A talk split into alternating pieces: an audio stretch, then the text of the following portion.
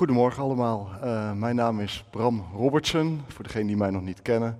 Ik ben buurdominee bij Stichting Goud van Noord. Um, dat is een diaconale stichting die ook verbonden is met uh, Noorderlicht. En nou, er zijn allerlei lijntjes ook met hier de Oranjekerk, uh, Noorderlicht. Dus ik ben heel blij dat ik hier vanmorgen ook mag voorgaan en een preek mag houden. Um, het thema van vandaag is uitgepraat.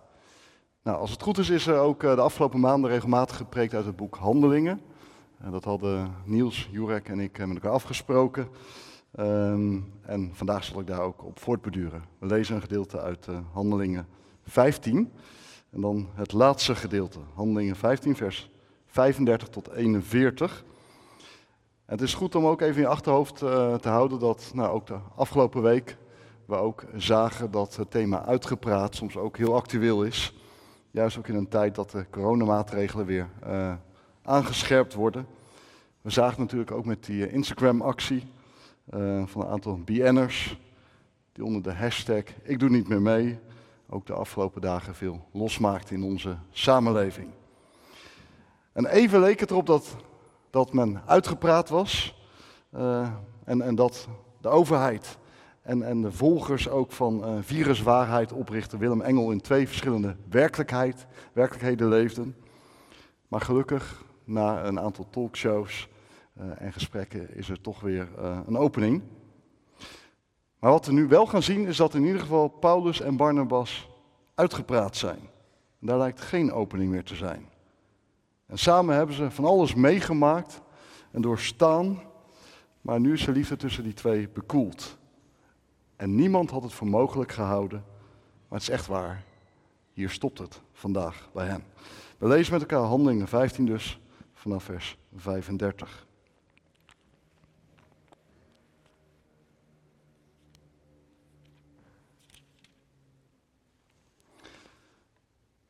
Paulus en Barnabas bleven in Antiochië, waar ze nog met vele anderen de boodschap van de Heer onderwezen en verkondigden.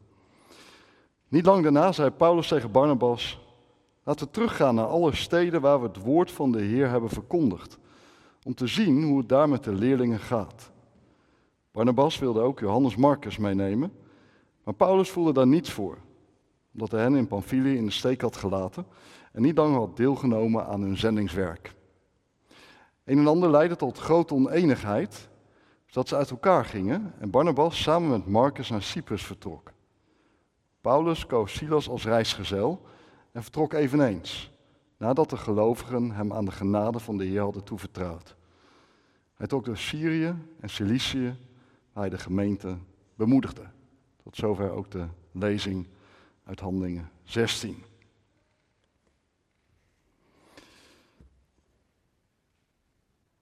Lieve mensen, het was al met al niet mijn beste dag schreef Femke Louise later in een verklaring op Instagram. Ik sta niet meer achter die boodschap, laat ze weten. En niet lang daarna verwijdert ze de video van ik doe niet meer mee.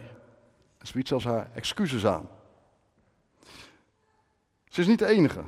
Meerdere BN'ers verwijderen de video. En even denk je, nou, de regering kan weer opgelucht ademhalen. Maar de vraag is natuurlijk wel voor hoe lang?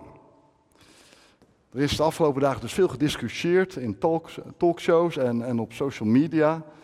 Maar je merkt aan alles dat de dingen nog niet zijn uitgepraat. De, de spanning die is onderhuids in onze samenleving nog voelbaar. En de vraag is, waar leidt dat heen? Zeker de komende maanden, als het virus waarschijnlijk nog verder om zich heen grijpt. Nou, ook in ons, spanning, of in ons Bijbelverhaal loopt de spanning hoog op. Samen hebben Paulus en Barnabas op leven en dood alles doorstaan. Maar, maar vandaag horen we dus dat de liefde tussen die twee is bekoeld. Niemand had het voor mogelijk houden. Maar het is echt waar. Ze zijn uitgepraat.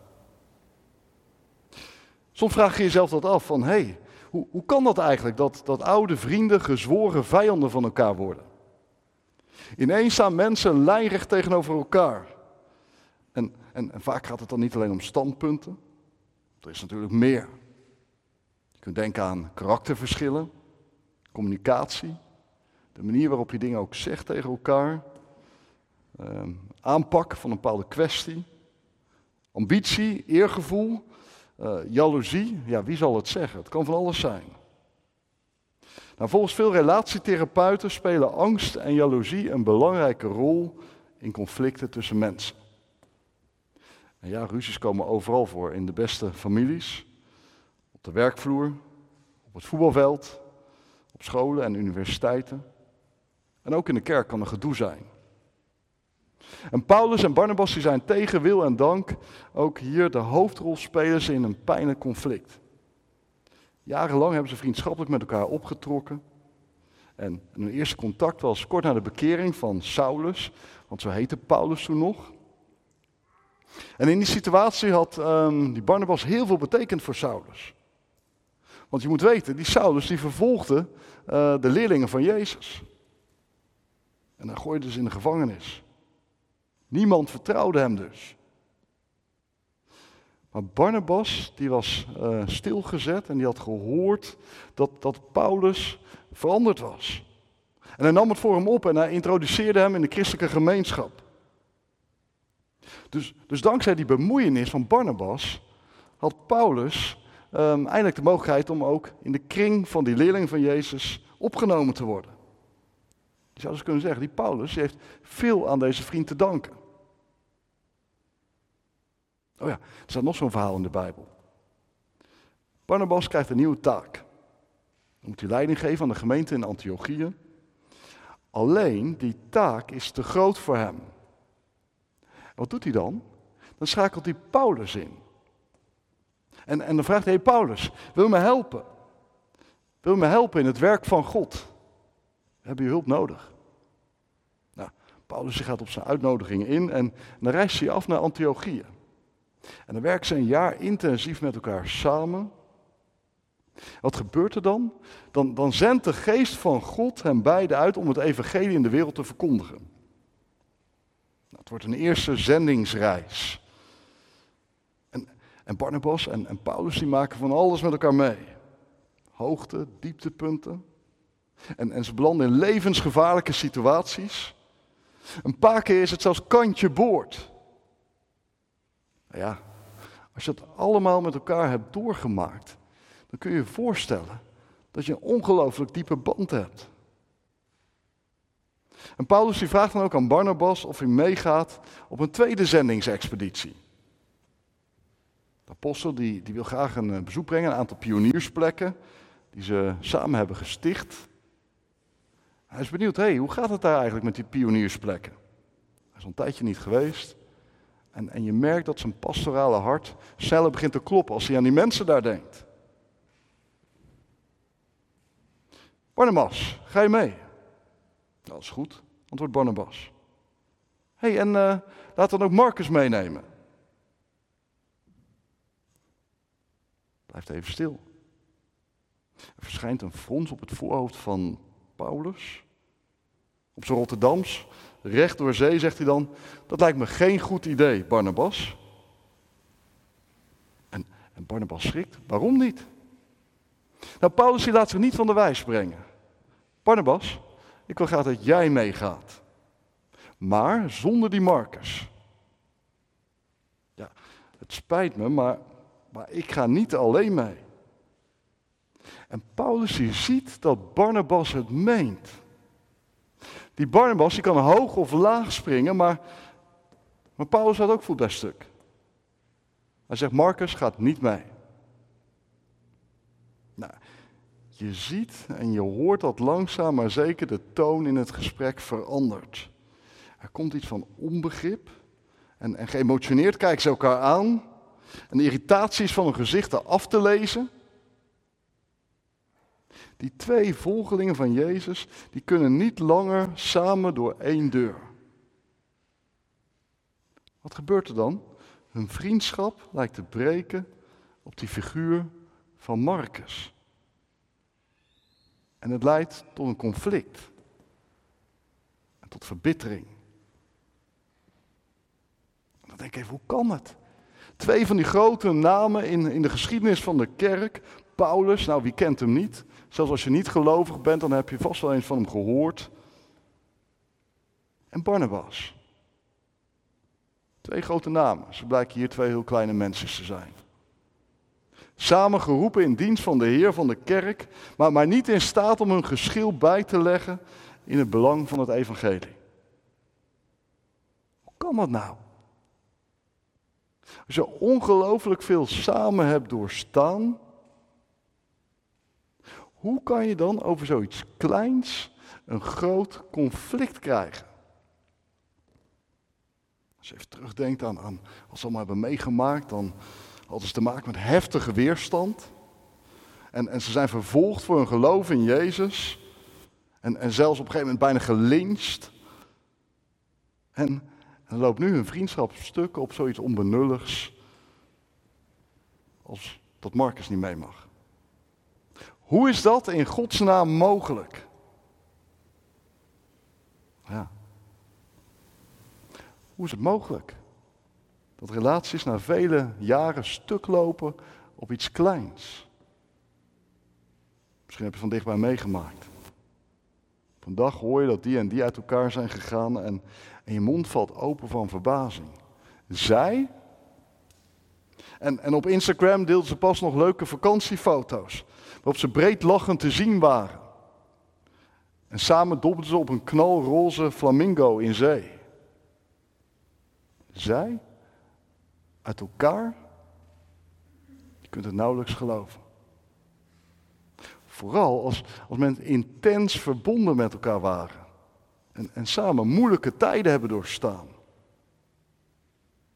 Je hoort vaak dat, dat men zegt van moeilijke tijden, um, dan krijg je ook een diepere band met elkaar. Of weer anders gezegd, in de nood leer je vrienden kennen.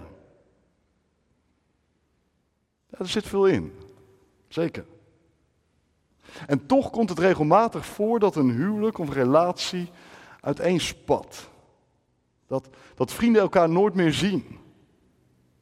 Dat ouders en kinderen de band verbreken. Dat broers en zussen elkaar niet meer spreken op een verjaardag. Hoe ver dat nu nog gaat in coronatijd. Maar goed. Of dat collega's op de werkvloer elkaar wantrouwen. Als dat je eigen leven raakt, of als je dat van dichtbij ziet gebeuren, dan, dan roept dat veel emotie op. Wat gebeurt er dan? Vaak zie je gebeuren dat, dat bij een klein voorval, waarvan je denkt, nou wat stelt dat voor, dat dan de bom barst. Maken mee dat mensen zich later afvragen, waar, waar ging het nou ook alweer over? Soms kunnen, kunnen wij blijkbaar niet achterhalen waar het is misgegaan. Wist ik het maar, hoor je dan iemand zeggen. Wist ik het maar. Ja, blijkbaar heb ik iets verkeerd gezegd, maar, maar ik zou niet weten wat. Want sinds die dag wil hij me niet meer zien. Waar ging het nou ook alweer over? Nou, meestal ging het natuurlijk wel ergens over. Dat ene voorval, hoe klein misschien ook, maar wat de bom deed barsten, dat was het topje van de ijsberg. Kijk maar naar de apostel Paulus. De reactie van de apostel komt niet uit de lucht vallen. Je zou kunnen zeggen, dingen hebben ook een, hun geschiedenis, dingen hebben hun verhaal, hun geheim. Er is namelijk heel wat aan vooraf gegaan. Marcus, die is eerder meegeweest op zendingsexpeditie. En ja, met Paulus en Barnabas. Wat ook al goed is om te weten, Barnabas en Marcus zijn allebei geboren op hetzelfde eiland, namelijk op het eiland Cyprus. En dat niet alleen, ze hebben ook nog eens dezelfde, ze maken ook nog eens een keer deel uit van dezelfde familie. Marcus is een neef van Barnabas. Dus er zit van alles onder en achter. En het hete hangijzer is nu dat Marcus halverwege die eerste zendingsreis die andere twee in de steek liet. Terwijl Paulus en Barnabas de zeilen heesen, ging hij niet mee naar Klein-Azië, het huidige Turkije. Marcus gaf de brui aan. Kortom, die Paulus en die Barnabas hadden dus een slechte ervaring opgedaan met Marcus. En ja, ik kan me heel goed voorstellen dat ze zichzelf dan gaan afvragen, ja, is hij eigenlijk wel geschikt voor het zendingswerk? Paulus is duidelijk. Hij waagt het er niet nog een keer op. Hij vindt Marcus een gebrek aan commitment en, en uh, betrokkenheid.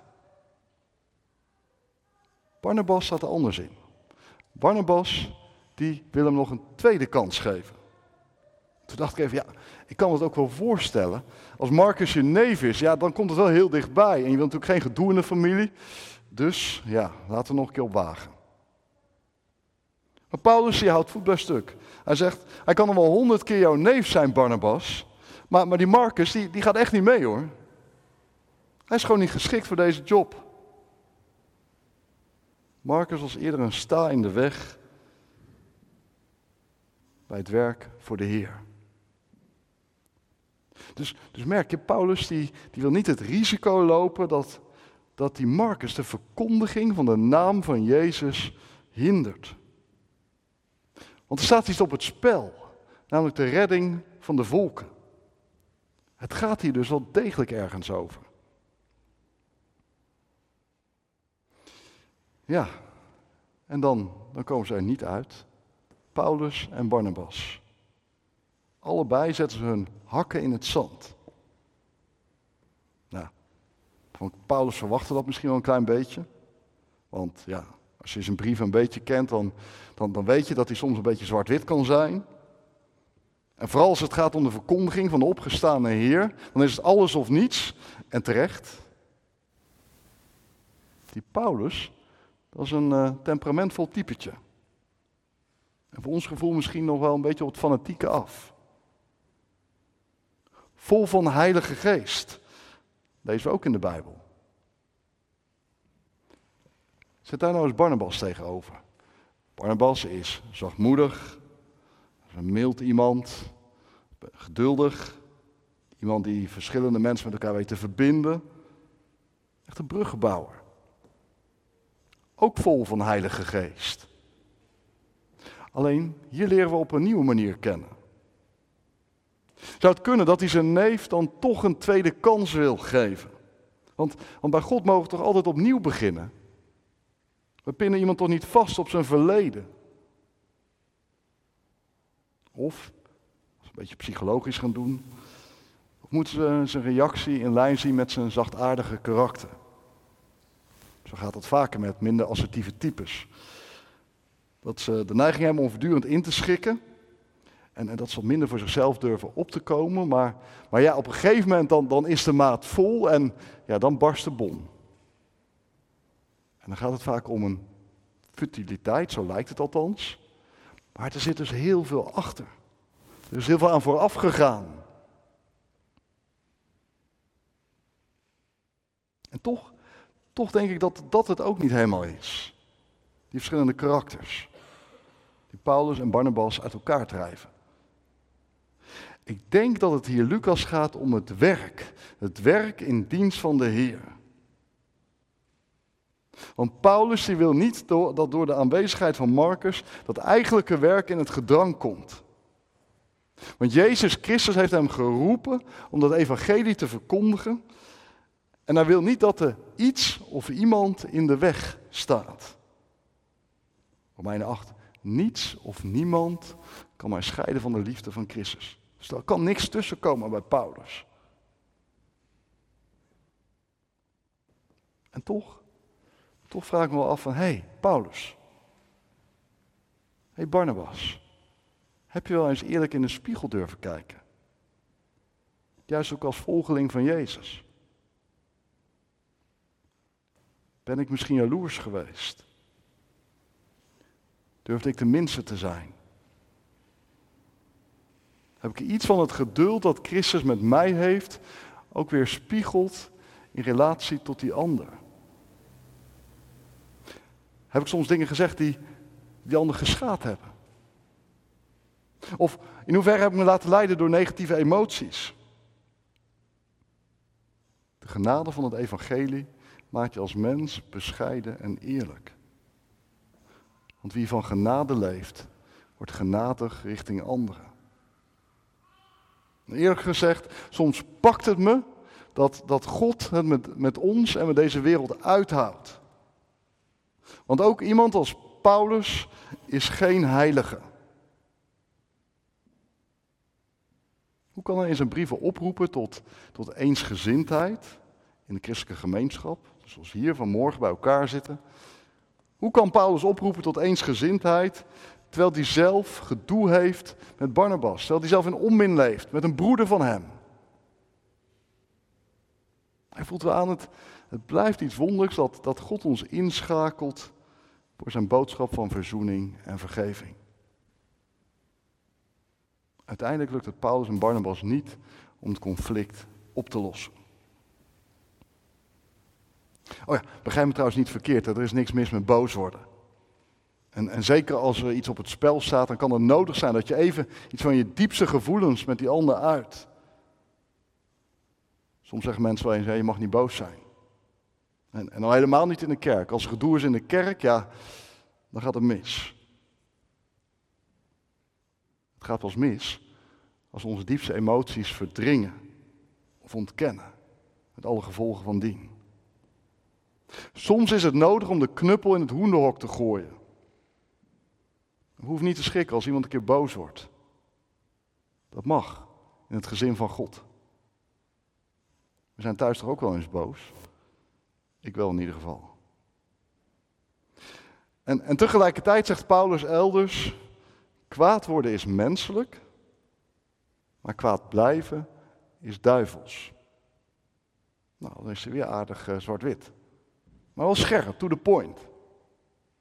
En, en een apostel schrijft in een andere brief: Word boos. Dus dat is oké, je mag boos worden. Maar zondig niet. Laat de zon niet ondergaan over uw boosheid en geef de duivel geen plaats. Het kan natuurlijk dat die boosheid zich gaat nestelen diep in je ziel en, en dat je op een gegeven moment verbitterd raakt. Dan word je een negatief mens. Dat straal je uit op je omgeving.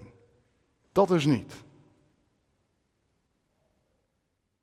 En toch, Paulus die zegt het nu wel zo mooi, op papier dan, maar de praktijk is weer barstiger.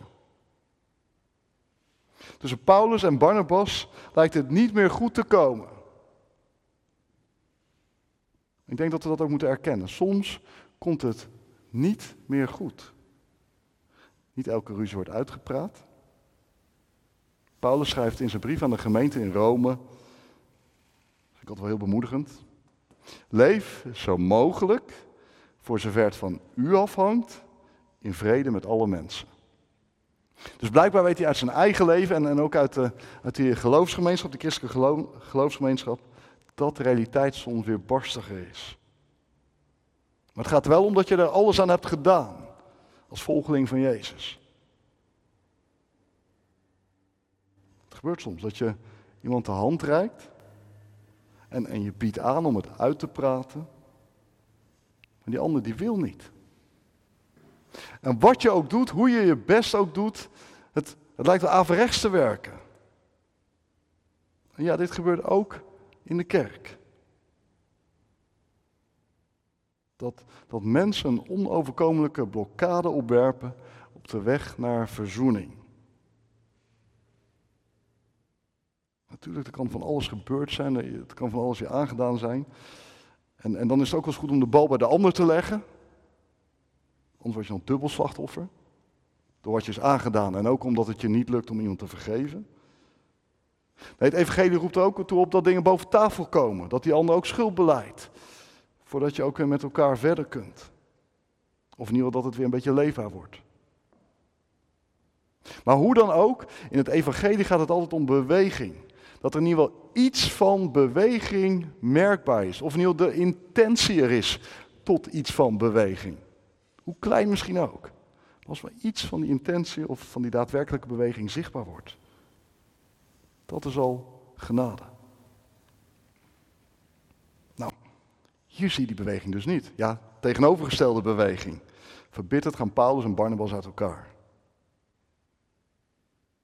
Probeer dat voor me te zien, hè. Twee van die vrienden, die alles met elkaar hebben meegemaakt. En dan ineens gaan ze uit elkaar. Ieder zijn eigen kant op. Ik vraag me dan af, hebben ze elkaar nog aangekeken? Hebben ze elkaar bij het afscheid nog een hand gegeven? Of, of zijn ze misschien scheldend uit elkaar gegaan? Dat Paulus in zijn woede allerlei dingen heeft gezegd of naar het hoofd heeft gesmeten van, van Barnabas. wie zal het zeggen? Het staat er niet. Maar ik kan me goed voorstellen. Niets menselijks is ook hen vreemd. Nou, hoe dan ook, Barnabas keert in ieder geval met zijn neef Marcus terug. En waar ze dan naartoe teruggaan is veelzeggend. Ze keren namelijk terug naar Cyprus, naar hun geboortegrond, daar waar alles begonnen is. Dus je ziet hier Marcus en Barnabas, die kiezen de veilige weg. De duidelijkheid en zekerheid. Maar wie voor een andere zekerheid kiest dan die van Jezus Christus, is terug bij af. Als je verder leest in dat boek uh, Handelingen, dan zie je dus ook dat ze helemaal niet meer in beeld komen. Ze zijn echt voorgoed verdwenen van het toneel. In het vervolg van het boek Handelingen horen we helemaal niets meer over hen. Dat is veelzeggend. Maar Paulus die blijft niet bij de pakken neerzitten. Hij kiest dan iemand anders. Hij kiest Silas. En, en samen met Silas vertrekt hij naar Syrië en Cilicië. Oh ja, maar niet voordat hij dan aan de genade van God is toevertrouwd. Prachtig hè? Dan zie je ook dat die geloofsgemeenschap erbij betrokken wordt. En dat hij voluit achter dat zendingswerk, achter die missie staat. Mijn oma zei vroeger wel eens, goed geïnformeerde achtergrond. Als Heere zegen is alles gelegen. Oude woorden, maar ik denk dat je wel begrijpt wat ze bedoelde. We zijn afhankelijk van Gods zegen. Mensen verdwijnen van het toneel. Maar God die blijft dezelfde. Wat, waar, waar bij ons stopt, daar gaat God verder. Dat is de weg van Jezus Christus. Hij breekt overal dwars doorheen.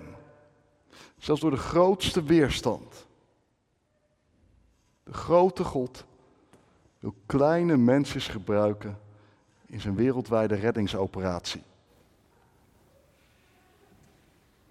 En toch, ik zit nog wel met een vraag. Ik ben wel een beetje nieuwsgierig. En ik vraag me dan af, nou, um, je hoort helemaal niks meer van die Barnabas en Marcus. Maar, maar zou dan toch misschien nog ergens een keer goed zijn gekomen? Ik zei het al, we lezen helemaal niets meer over hen in het boek Handelingen. Maar dat zegt niet alles.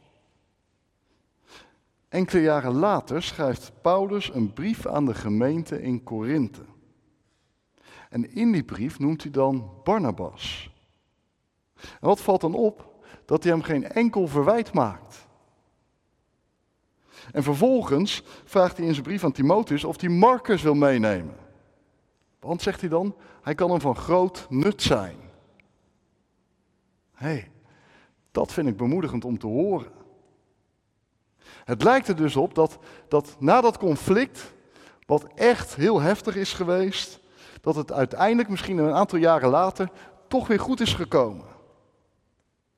Dat Barnabas en Marcus opnieuw door God zijn ingeschakeld. In die doorgeefbeweging van Jezus.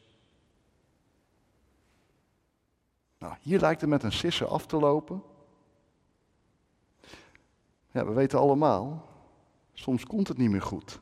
Tussen broeders en zusters in het geloof. dat is pijnlijk en verdrietig. Zeker als een diepe scheiding voelbaar is, of dat kan ook, dat een van beiden is overleden. Dan, dan ontbreekt zelfs de mogelijkheid om nog uit te praten. Wat dan? Is er dan nog een uitweg? Nou, Goddank is ons laatste woord nooit Gods laatste woord. Helemaal aan het einde van de Bijbel, het laatste boek, het boek Openbaring, daar horen dat in het koninkrijk van God, dus in die toekomst van God, alle tranen van de ogen worden afgeveegd. En alle scheidingen tussen mensen worden opgeheven. Want God is de grote heelmaker. Hij raakt nooit uitgepraat. Hij is het woord in levende lijven. En wat hier dus niet is uitgesproken, of niet meer kan worden uitgesproken, zal daar in het licht van Christus boven tafel komen. En geloof me, dat gebeurt niet in een knip. Zoals ik vroeger wel eens dacht als kind. Als dan het koninkrijk van God aanbreekt, dan is één knip en, en alles is in één keer goed.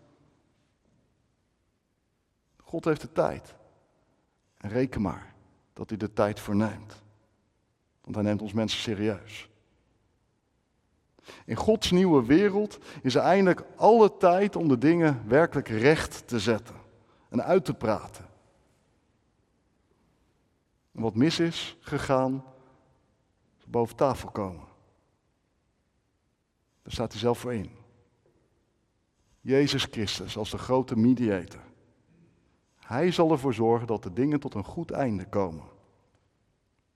En ik hoop dat dat ons een klein beetje mag troosten en bemoedigen als we zelf niet meer de kans hebben om verbroken relatie te herstellen. Wat onmogelijk is bij mensen, is mogelijk bij God. In het licht van het evangelie hebben de scheidingen tussen ons nooit het laatste woord. Want God is één. En als God één is, hoe kan er dan verdeeldheid zijn in zijn koninkrijk? En door de opstanding van Jezus uit de dood is geen enkele breuk meer definitief. Hij staat een brug die wij niet kunnen slaan. Aan Hem is het laatste woord. En met Hem, met Jezus, mogen we in goed vertrouwen de nieuwe week ingaan. Waar het bij ons stopt, dan gaat Hij verder. Met Hem raak je nooit uitgepraat. Amen.